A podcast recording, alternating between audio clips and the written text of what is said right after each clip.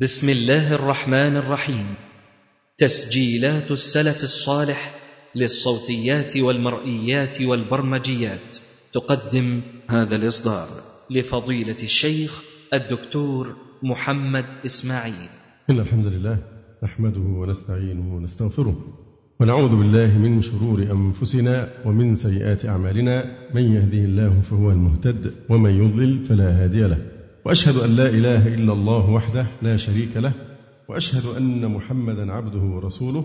اللهم صل على محمد النبي وأزواجه أمهات المؤمنين وذريته وأهل بيته كما صليت على آل إبراهيم إنك حميد مجيد.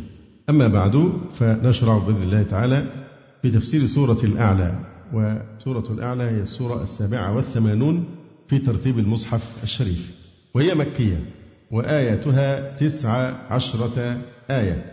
يقول الحافظ ابن كثير رحمه الله تعالى والدليل على أنها مكية ما رواه البخاري عن البراء بن عازب رضي الله عنه قال أول من قدم علينا من أصحاب رسول الله صلى الله عليه وآله وسلم مصعب بن عمير وابن أم مكتوم فجعلا يقرئاننا القرآن ثم جاء عمار وبلال وسعد ثم جاء عمر بن الخطاب في عشرين ثم جاء النبي صلى الله عليه وسلم. فما رأيت أهل المدينة فرحوا بشيء فرحهم به. حتى رأيت الولائد والصبيان يقولون هذا رسول الله صلى الله عليه وسلم قد جاء. فما جاء حتى قرأت سبح اسم ربك الأعلى في سور مثلها. يعني كان قد قرأها قبل أن يحضر النبي صلى الله عليه وسلم إلى المدينة فهذا يدل على أنها سورة مكية. وعن أمير المؤمنين علي رضي الله عنه قال كان رسول الله صلى الله عليه وآله وسلم يحب هذه السورة. سبح اسم ربك الأعلى. تفرد به الإمام أحمد. وثبت في الصحيحين أن رسول الله صلى الله عليه وسلم قال لمعاذ رضي الله عنه هلا صليت بسبح اسم ربك الأعلى والشمس وضحاها والليل إذا يغشى. وعن النعمان بن بشير رضي الله عنهما أن النبي صلى الله عليه وآله وسلم كان يقرأ في العيدين ويوم الجمعة بسبح اسم ربك الأعلى وهل أتاك حديث الغاشية؟ وربما اجتمع في يوم واحد فقرأهما. رواه مسلم وأهل السنن.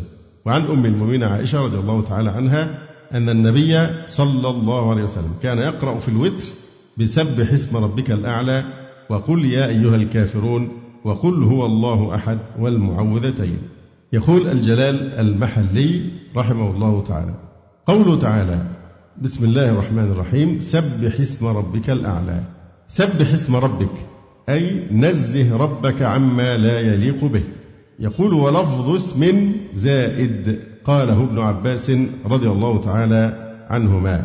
فالجلال جعل اسم مقحما يعني إنه مقحم في الكلام على حد قول لبيد إلى الحول ثم اسم السلام عليكما ومن يبكي حولا كاملا فقد اعتذر. إلى الحول يعني ابكي إذا مت فابكيان إلى الحول مدة سنة كاملة. ثم اسم السلام عليكم يعني إيه؟ ثم السلام عليكما. ولا داعي لهذا التكلف فإن التنزيه يقع على الاسم لأن اسم الله أيضا منزه. يعني الله سبحانه وتعالى منزه واسم الله أيضا منزه ويستحق التنزيه. فلا مانع إطلاقا من أن يقال سبح اسم ربك يعني نزه اسم ربك تبارك وتعالى. فالتنزيه يقع أيضا على الاسم على اسم الله عز وجل. فيكون المعنى سبح اسم ربك أي نزه ربك أو نزه اسم ربك عن أن يسمى به صنم أو وثن. فيقال له رب أو إله. فهذا فيما يتعلق بقول الجلال المحلي هنا سبح اسم ربك أي نزه ربك عما لا يليق به فيقول ولفظ اسم زائد فذكرنا ما في هذا من التكلف لأن التنزيه أيضا يقع على اسم الله تبارك وتعالى. كما قال عز وجل سبحان ربك رب العزة عما يصفون مما أيدوا به القول الجلال المحلي أن الصحابة كانوا إذا قرأوا هذه السورة كانوا يقولون إيه؟ سبحان ربي الأعلى سبحان ربي الأعلى ولم يكونوا يقولون سبحان اسم ربي الأعلى.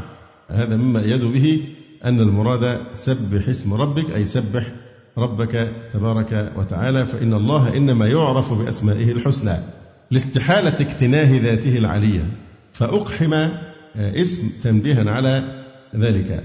وسر إراده أن المنوه به إذا كان في غاية العظمة كثيرا ما تضاف ألفاظ التفخيم إلى اسمه فيقال سبح اسمه ومجد ذكره كما يقال سلام على المجلس العالي هذا ما ذكروا وذهب بعضهم يقول القاسمي إلى أن المراد تنزيه اسم الله وتقديسه أن يسمى به شيء سواه. كما كان يفعل المشركون من تسميتهم آلهتهم بعضها اللات وبعضها العزى. يقول ابن حزم رحمه الله تعالى وأما قوله تعالى سبح اسم ربك الأعلى فهو على ظاهره دون تأويل لأن التسبيح في اللغة التي نزل بها القرآن وبها خاطبنا الله عز وجل هو تنزيه الشيء عن السوء. وبلا شك أن الله تعالى أمرنا أن ننزه اسمه الذي هو كلمة مجموعة من حروف الهجاء عن كل سوء حيث كان من كتاب أو منطوقا به. ووجه آخر وهو أن معنى قوله تعالى سبح اسم ربك الأعلى ومعنى قوله تعالى إن هذا لهو حق اليقين. فسبح باسم ربك العظيم معنى واحد. وهو أن يسبح الله تعالى باسمه ولا سبيل إلى تسبيحه تعالى ولا إلى دعائه ولا إلى ذكره إلا بتوسط اسمه. فكلا الوجهين صحيح. وتسبيح الله تعالى وتسبيح اسمه كل ذلك واجب بالنص. فلا فرق بين قوله تعالى فسبح باسم ربك العظيم وبين قوله وسبح بحمد ربك حين تقوم ومن الليل فسبحه وإدبار النجوم. والحمد بلا شك هو غير الله وهو تعالى يسبح بحمده كما يسبح باسمه ولا فرق. والأعلى هو الأرفع من كل شيء قدرة وملكا وسلطانا. واستدل السلف بظاهره في إثبات العلو بلا تكييف لأن من أسماء الله عز وجل الأعلى والمسألة معروفة. سبح اسم ربك الأعلى الأعلى صفة لربك. وأجاز ابن هشام أن يكون صفة لاسم يعني اسم ربك الأعلى فأعلى تكون صفة لإيه؟ لاسم على قول ابن هشام. الذي خلق فسوى أي الذي خلق كل شيء فسوى مخلوقه. يعني جعله متناسب الأجزاء غير متفاوت. والمراد بالتسوية أنه خلق ما أراد على أتم وجه وأكمله ووفق نظام موصوف بالإحكام والإتقان مبرأ من الشوائب والاختلال الذي خلق فسوى. يقول الزمخشري أي خلق كل شيء فسوى خلقه تسوية ولم يأت به متفاوتا غير ملتئم.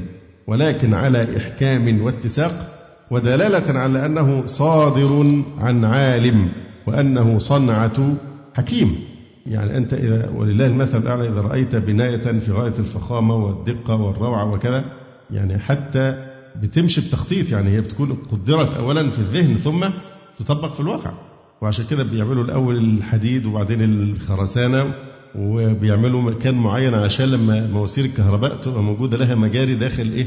الصبة مش كده؟ وأماكن للكهرباء وأماكن للتكييف. مش كل ده بيتعمل على مراحل بحيث في الآخر. أنت تستدل بالصنعة على ان الذي صنعها كان عالما بها قبل أن يوجدها.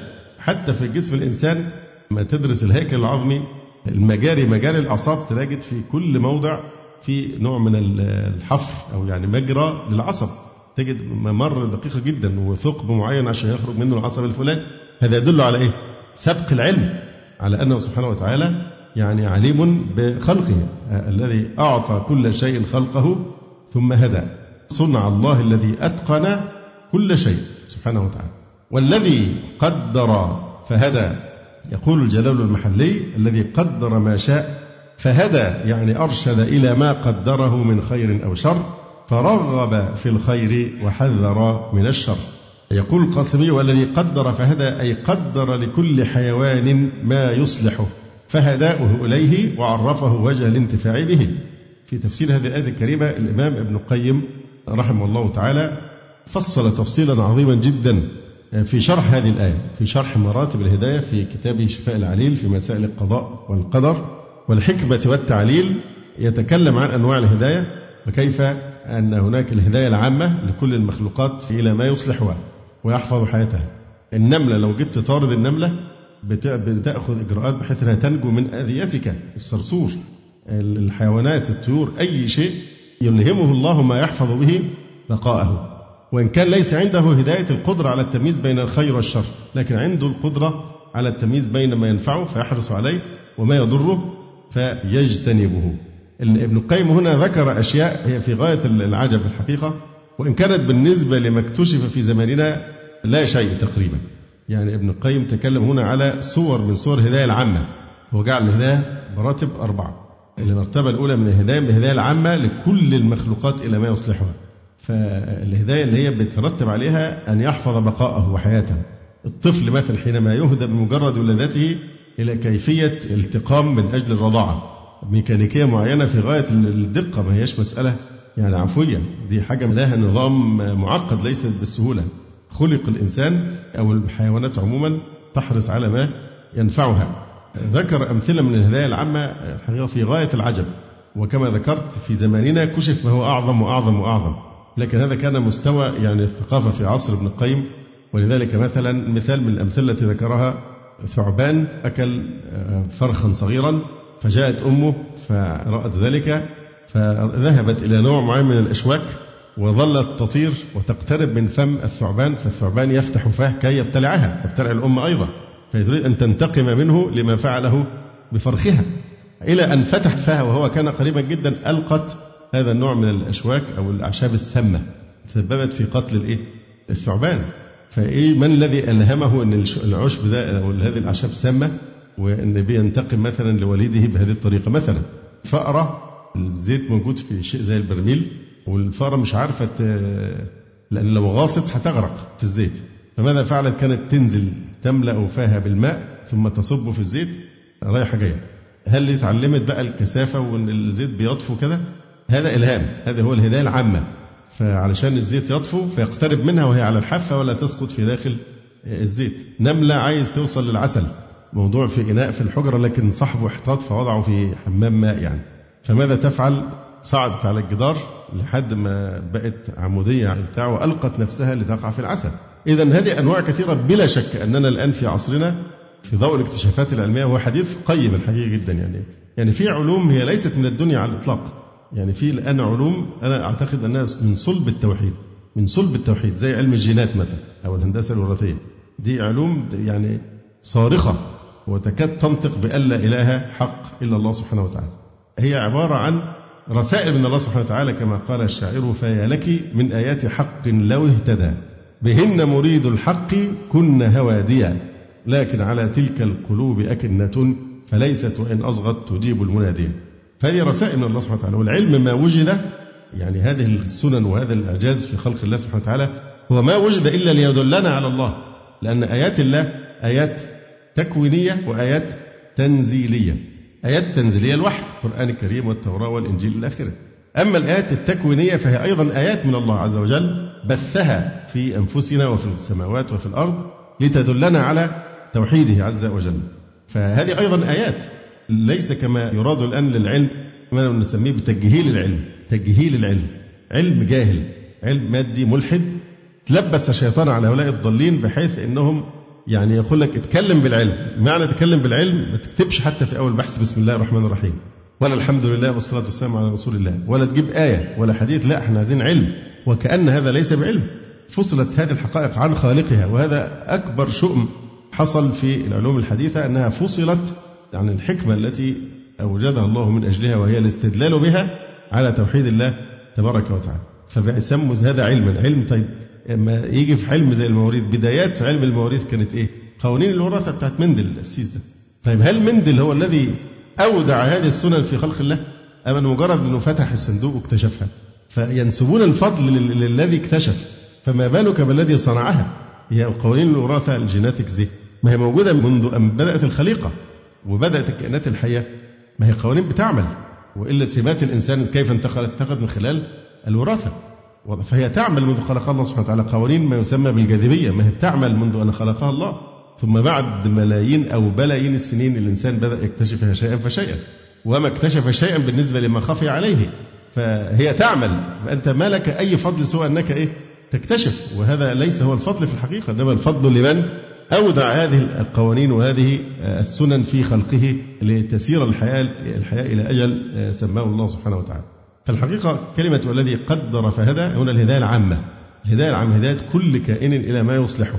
حتى الفيروسات يهديها إلى ما يصلحها بتجد الفيروس يروح مغير شكله علشان الجسم بيتعرف عليه أو بيقاومه بطريقة معينة فيبدأ يعمل تحوير.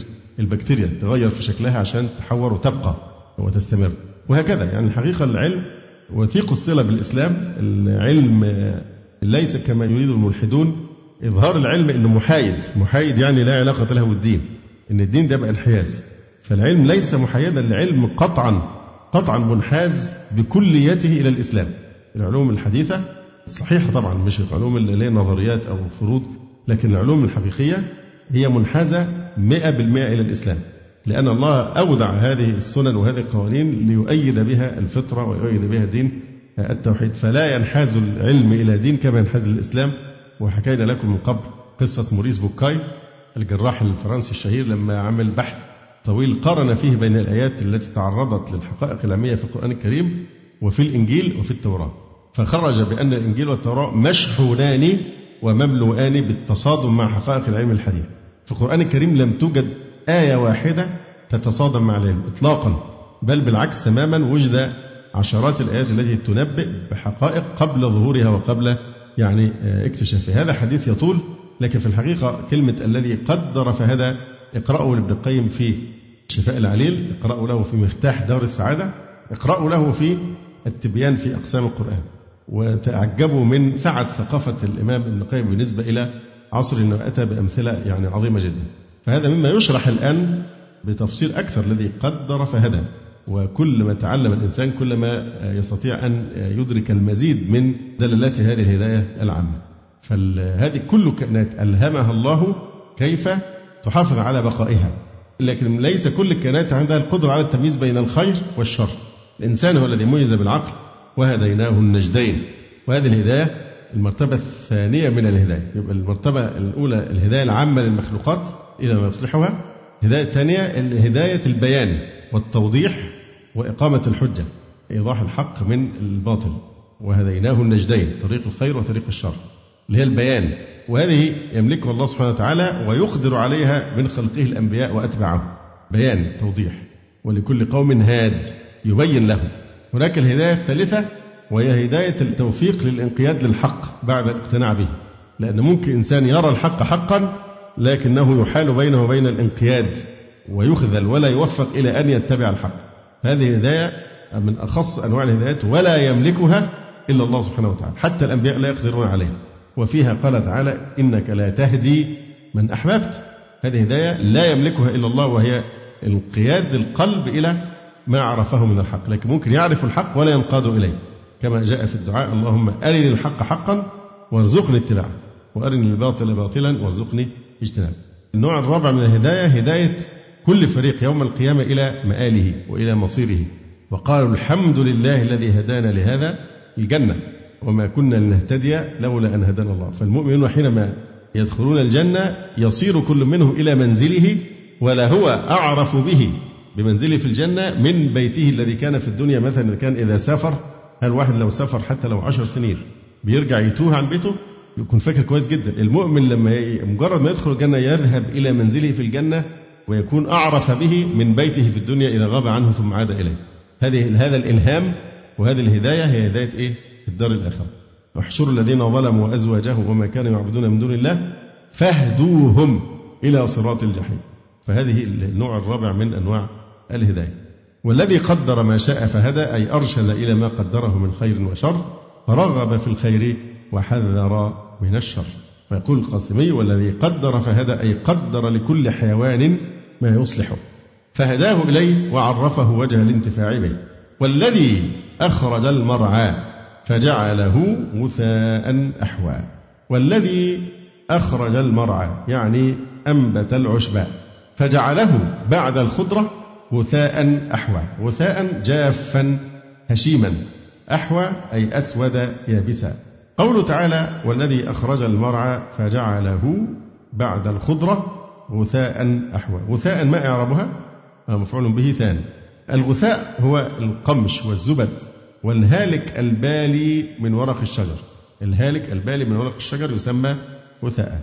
والقمش جمع قماش وهو ما على وجه الأرض من فتات الأشياء حتى يقال لرذالة الناس قماش أو قماش وما أعطاني إلا قماشا يعني شيئا رذيلا. فالغثاء هو الهالك البالي من ورق الشجر أو الجاف الهشيم. أحوى يعني أسود يابسا. أفعل من الحوى وهي سواد يضرب إلى خضرة. وقيل الأحوى خضرة عليها سواد. يقول ابن هشام في المغني قول بعضهم هي المغني دي طبعا المفروض إن طالب العلم بيقدر يفهم إيه المقصود. لما نقول قال ابن هشام في المغني يبقى مين بقى؟ ابن هشام اللغوي العالم الكبير. المغني هو مغني اللبيب عن كتب الاعاريب لأن المغني في مغني ثاني في مغني ابن قدامة الفقه حنبلي. في مغني ثالث قال عبد الجبار في المغني إمام من ائمه المعتزلة الضالين. هذا مرجع من مراجع الإيه؟ الاعتزال يعني المغني. يقول ابن هشام قول بعضهم في أحوى إنه صفة لغثاء هذا ليس بصحيح على الإطلاق. بل إذا فسر الأحوى بالأسود من الجفاف واليبس. انتبهوا لهذا. يعني هي كلمة الأحوى تحتمل معنيين هنا. إذا قلنا إن الأحوى فجعله غثاء أحوى لو قلنا إن أحوى صفة لغثاء إحنا قلنا الغثاء هو الإيه؟ الجاف اليابس أو الهشيم ها؟ الهالك البالي من ورق الشجر. غثاء أحوى يبقى أحوى أسود إيه؟ يابسا. جاف. عارفين الورق الشجر لما يتعفن يسود ويتعفن؟ فدي مرحلة أسوأ من المرحلة السابقة اللي هي كان إيه؟ يابسا ها؟ فهنا علشان يعني يصلح أن نقول إنه صفة لغثاء ليس هذا على إطلاقه. ما ينفعش تقول أحوى صفة لغثاء بإطلاق. لكن ممكن تقيد. لذلك يقول إيه؟ بل إذا فسر الأحوى بالأسود من الجفاف واليبس. عشان ما في تناقض. لأن الأحوى تأتي بمعنى إيه؟ الأسود من شدة الخضرة لكثرة الري. النبات يروى ويشبع ماء فتشتد خضرته حتى إنها من شدة الخضرة يوصف بالإيه؟ بأنه أسود. مثل قوله تعالى إيه؟ مدهامتان. مدهامتان من شدة الخضرة فإذا قلنا غثاء أحوى إذا يبقى الأحوى تحتمل معنيين. إما الجاف اليابس الهشيم الهالك البالي من أوراق الشجر فبتبقى دي مرحلة الجفاف يليها مرحلة الإيه؟ الإسوداد نتيجة التعفن. فدي أسوأ من هذه فيمكن تقول غثاء أحوى يبقى أحوى هنا بمعنى إيه؟ يبقى هنا ممكن نقول أحوى صفة لغثاء بشرط أن نفسر الأحوى بالأسود من الجفاف واليبس. أما إذا فسر بالأسود من شدة الخضرة لكثرة الري كما فسر مدهامتان فجعله صفة لغثاء كجعل قيما صفة لعوجا. وإنما الواجب أن تكون حالا من المرعى. يبقى حسب المعنى نفسرها. متى نقول صفة؟ صفة لغثاء. إذا قلنا إن أحوى بمعنى الأسود الإيه؟ من اليبس والجفاف أيضا. أما إذا قلنا الأحوى اللي هو شديد الخضرة نتيجة الري بالماء وشدة الخضرة فهنا تكون إيه؟ يعني حالا من المرعى والذي أخرج المرعى أحوى. سنقرئك فلا تنسى. سنقرئك أي القرآن الكريم. فلا تنسى يعني لا تنسى ما تقرأه. وهذا بيان لهداية الله تعالى الخاصة برسوله صلى الله عليه وسلم. الذي خلق فسوى والذي قدر فهدى. هذا في حق الخلائق كلها. لكن هنا سنقرئك فلا تنسى هداية خاصة للنبي صلى الله عليه وسلم. إثر بيان هداية الله العامة لكافة مخلوقاته. وهي هدايته صلى الله عليه وسلم لتلقي الوحي وحفظ القرآن وهدايته للناس أجمعين. سنقرئك فلا تنسى يعني لن تنسى أبدا. لن تنسى أبدا شيئا مما يوحى إليك. وليست لا هنا للنهي. سنقرئك. فلا تنسى لا هنا إيه؟ نافية. يعني إياك أن تقول إن لا للنهي. كما يظن البعض بل هي نافية. وكيف تكون للنهي وما بعدها غير مجزوم؟ لأن لو كانت لنا هي بقى سنقرئك إيه؟ فلا تنس. يحذف آخرها حرف العلم لكن فلا تنسى الفعل مرفوع. يبقى لا هنا نافية وليست ناهية. وهذه الآية مثل قوله تعالى في سورة القيامة لا تحرك به لسانك لتعجل به إن علينا جمعه وقرآنه.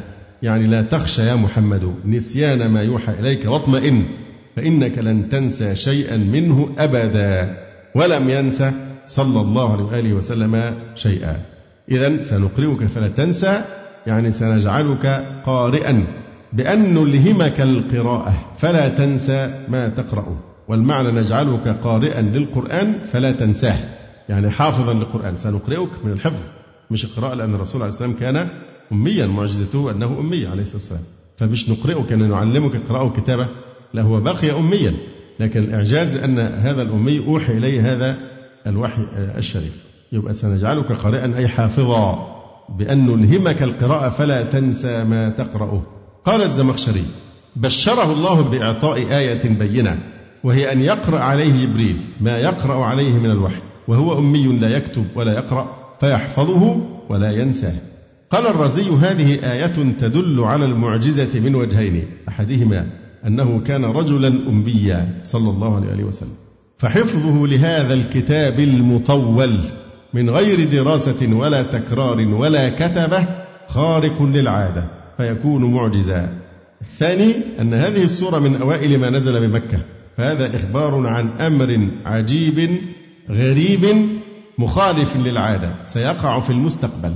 وقد وقع فكان هذا إخبارا عن الغيب فيكون معجزا. هذه من أوائل السور المكية. سنقرئك فلا تنسى. هذا وقع في مكة قبل أن يستتم نزول القرآن الكريم. وبالفعل لم يحصل إطلاقا نسيان من الرسول صلى الله عليه وسلم في التبليغ. قيل لا تنسى نهي والألف للإطلاق في الفاصلة وهو جائز مثل السبيل والمعنى لا تغفل قراءته وتكريره فتنساه كأنها نهي. طبعا قلنا أن هذا كلام يعني بيرد على كلمة أن فلا تنسى الفعل مش مجزوم. بيقول أن دي في نوع من الإيه؟ الإشباع يعني إيه؟ فأضلون السبيل هي السبيل. طبعا هذا كما قلنا خلاف الظاهر. فلا تنسى فعل مرفوع فلا هنا نافية وليست ناهية. فهذا خبر يعني سنقرئك إلى أن تصير بحيث لا تنسى وتأمن النسيان. كقولك سأكسك فلا تعرى يعني فتأمن العريان سنقرئك فلا تنسى إلا ما شاء الله. هذا استثناء مفرغ من أعم المفاعيل يعني إلا ما شاء الله يعني لا تنسى مما تقرأه شيئا من الأشياء إلا ما شاء الله أن تنساه مما تقتضيه الجبلة البشرية أحيانا.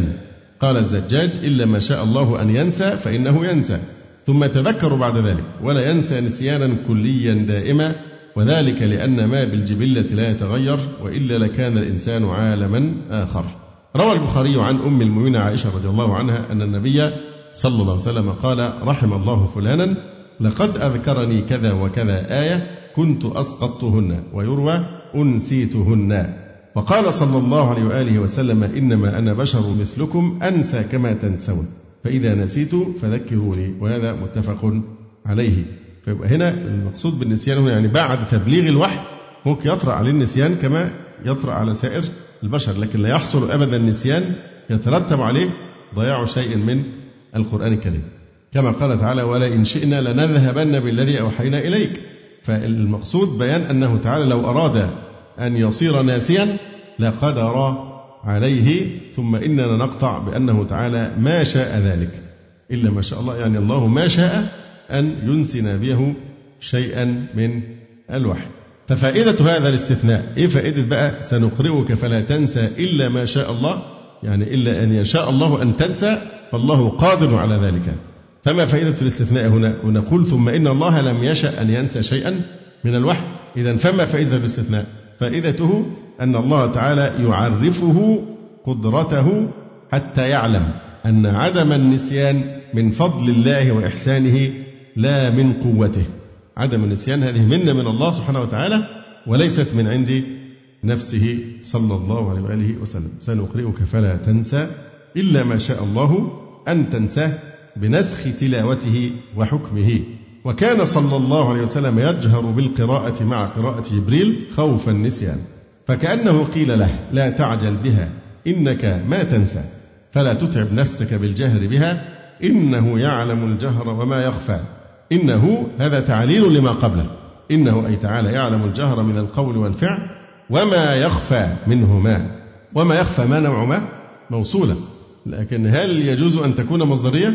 إنه يعلم الجهر وما يخفى فما يخفى يعني والذي يخفى منهما من الجهر والسر. فلا يجوز أن تكون مصدرية لئلا يلزم خلو الفعل من فاعل. ونيسرك لليسرى الشريعة الإسلامية السمحاء السهلة الإسلام ونيسرك لليسرى. فذكر إن نفعت الذكرى. آه، فذكر الفاء الفصيحة. يعني إن علمت أنك من أرباب الفيوضات الكمالية بهدايتنا وتوفيقنا فذكر عظ بالقرآن إن نفعت الذكرى. يعني من تذكره. طبعا قوله إن نفعت الذكرى أين المفعول؟ محذوف تقديره إيه؟ آه. فذكر إن نفعت الذكرى من تذكره. الشخص الذي تذكره يعني. فذكر إن نفعت الذكرى. يقول القاضي كنعان فذكر إن نفعت الذكرى أي فعظ يا محمد قومك بالقرآن. ثم اختلف المفسرون في معنى إن إن نفعت الذكرى فقيل المعنى فذكر إن نفعت الذكرى وإن لم تنفع. فذكر إنما أنت مذكر لست عليهم بمسيطر. إن عليك إلا البلاغ. يبقى ده معناه فذكر إن نفعت الذكرى وإن لم تنفع. فأنت تبلغ وهداية القلب هذا شيء يملكه الله سبحانه وتعالى. فحذف الثاني اكتفاء. كما قال تعالى وجعل لكم سرابيل تقيكم الحر. يعني والإيه والبرد القر. وقيل غير ذلك. وعلى كل فإن الآية أمر بالتذكير للناس عامة. من نفعته ومن لم تنفعه. فمن تذكر نجا ومن أعرض كانت الذكرى حجة عليه يوم القيامة. وإذ قالت أمة منهم لم تعظون قوما الله مهلكهم أو معذبهم عذابا شديدا؟ قالوا معذرة إلى ربكم ولعلهم يتقون. إعذار. وإقامة للحجة على الخلق فلن يستطيع مثل هذا أن يقول يوم القيامة ما جاءنا من بشير ولا نذير فقد جاءكم بشير ونذير. أو أن في الآية توجيها للاهتمام أولا بمن يتوقع منهم الانتفاع بالتذكير. يعني يقدم هؤلاء على من لا يتوقع منهم ذلك أي اهتم أولا بمن تراهم أكثر استعدادا للاهتداء ثم بمن بعدهم. ويقول الزمخشري فإن قلت كان الرسول صلى الله عليه وسلم مأمورا بالذكرى نفعت أو لم تنفع فما معنى اشتراط النفع؟ قلت هو على وجهين أحدهما أن رسول الله صلى الله عليه وسلم قد استفرغ مجهوده في تذكيرهم وما كانوا يزيدون على زيادة الذكرى إلا عتوا وطغيانا. وكان النبي صلى الله عليه وسلم يتلظى حسرة وتلهفا. ويزداد وجدا في تذكيرهم وحرصا عليه فقيل له وما أنت عليهم بجبار؟ فذكر بالقرآن من يخاف وعيد. وأعرض عنهم وقل سلام.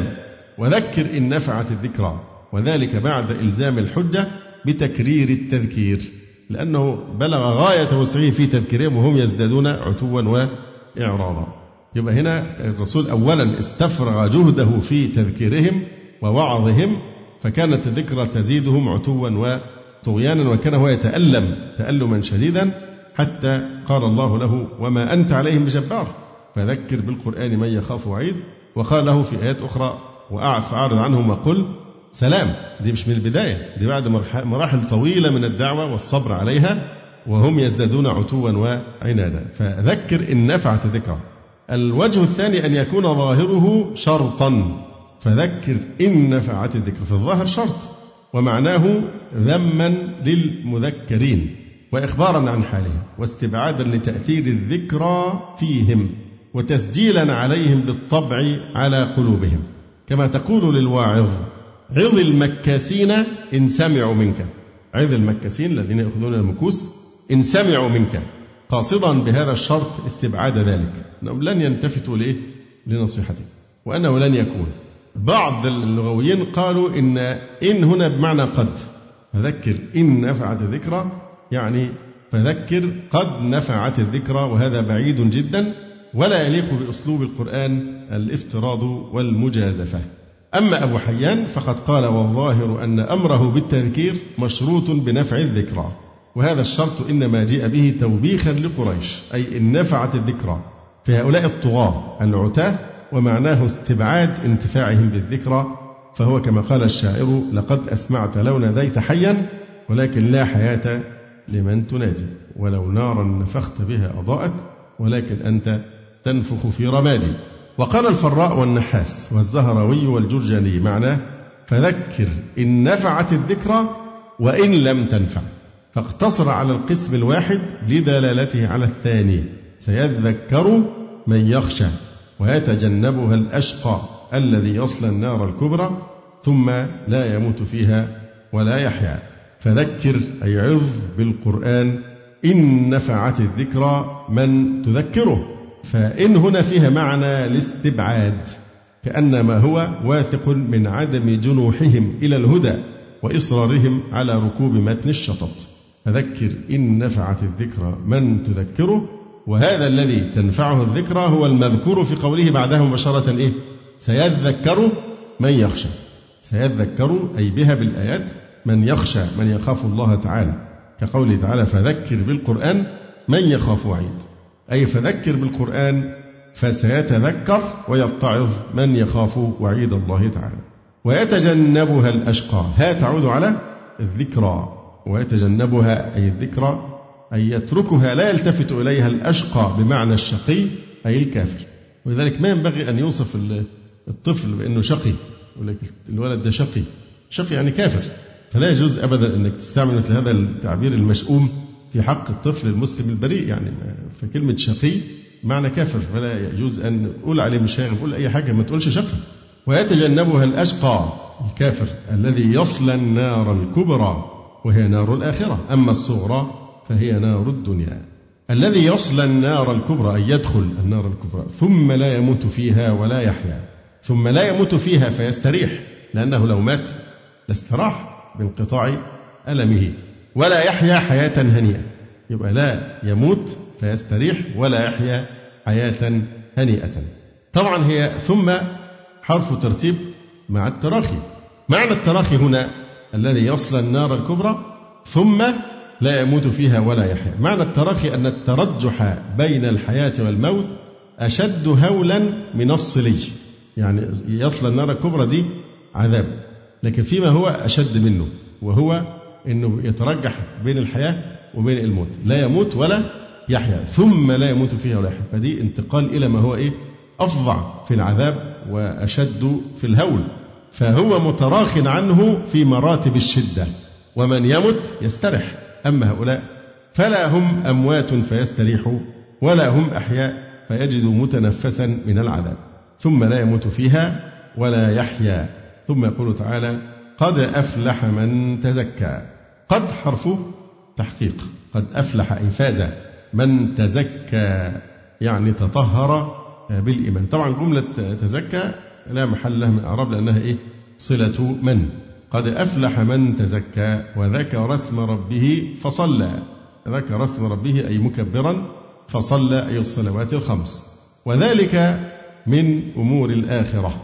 وكفار مكة وغيرها معرضون عنها. وذكر اسم ربه فصلى.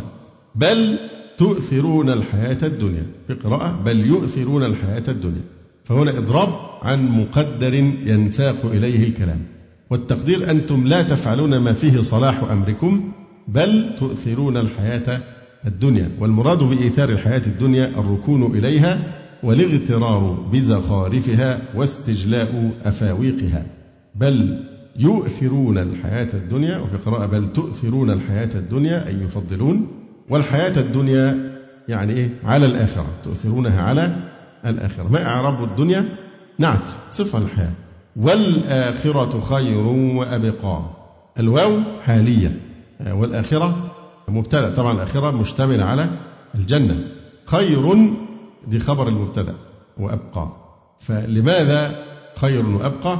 لأن فيها ما هو أعظم من لذات الدنيا وما لا يتصوره العقل ولها بعد ذلك صفة الديمومة والخلود.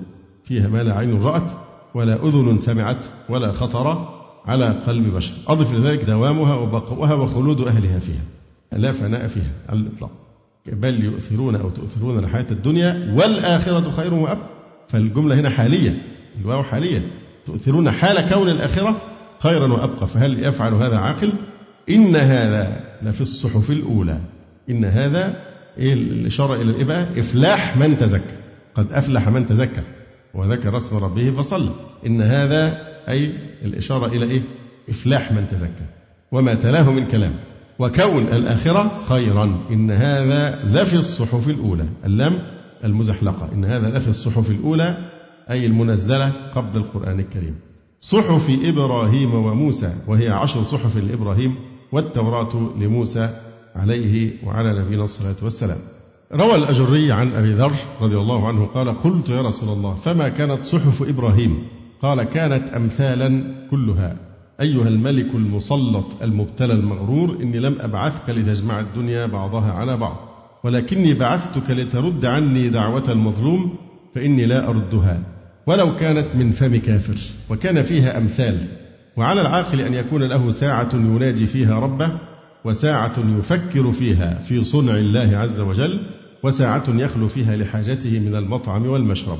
وعلى العاقل ألا يكون طامعا إلا في ثلاث تزود لمعاد ومراحة لمعاش ولذة في غير محرم.